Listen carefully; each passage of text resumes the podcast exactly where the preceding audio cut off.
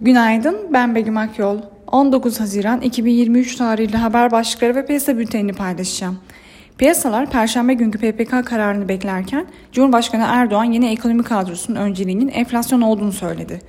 Blinken'ın Çin ziyareti samimi bir havada geçti. Goldman stratejistlerine göre piyasalar ABD enflasyonu konusunda fazla iyimser. ABD'de piyasalar bugün tatil. Geçen haftaki FED toplantısı sonrası tahvil yatırımcıları getiri eğrisini dikleştiren stratejilerini terk etmeye başladı.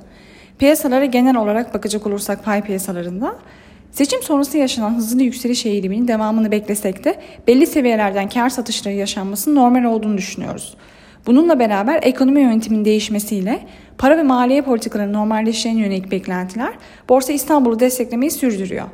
Önümüzdeki dönemde yapılacak açıklama ve atılacak adımların orta uzun vadede piyasalara yön vermesini bekliyoruz.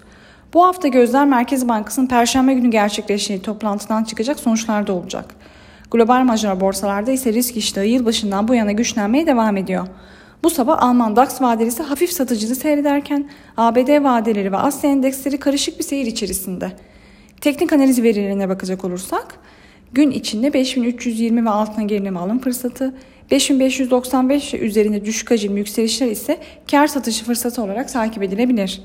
Viyop tarafında ise gün içi long pozisyonlar için 6125, short pozisyonlar için ise 6225 zarar kes seviyesi olarak izlenebilir. Borsa İstanbul'un ve endeks kontratının güne hafif pozitif eğilimle başlamasını bekliyoruz. Kazançlı günler dileriz.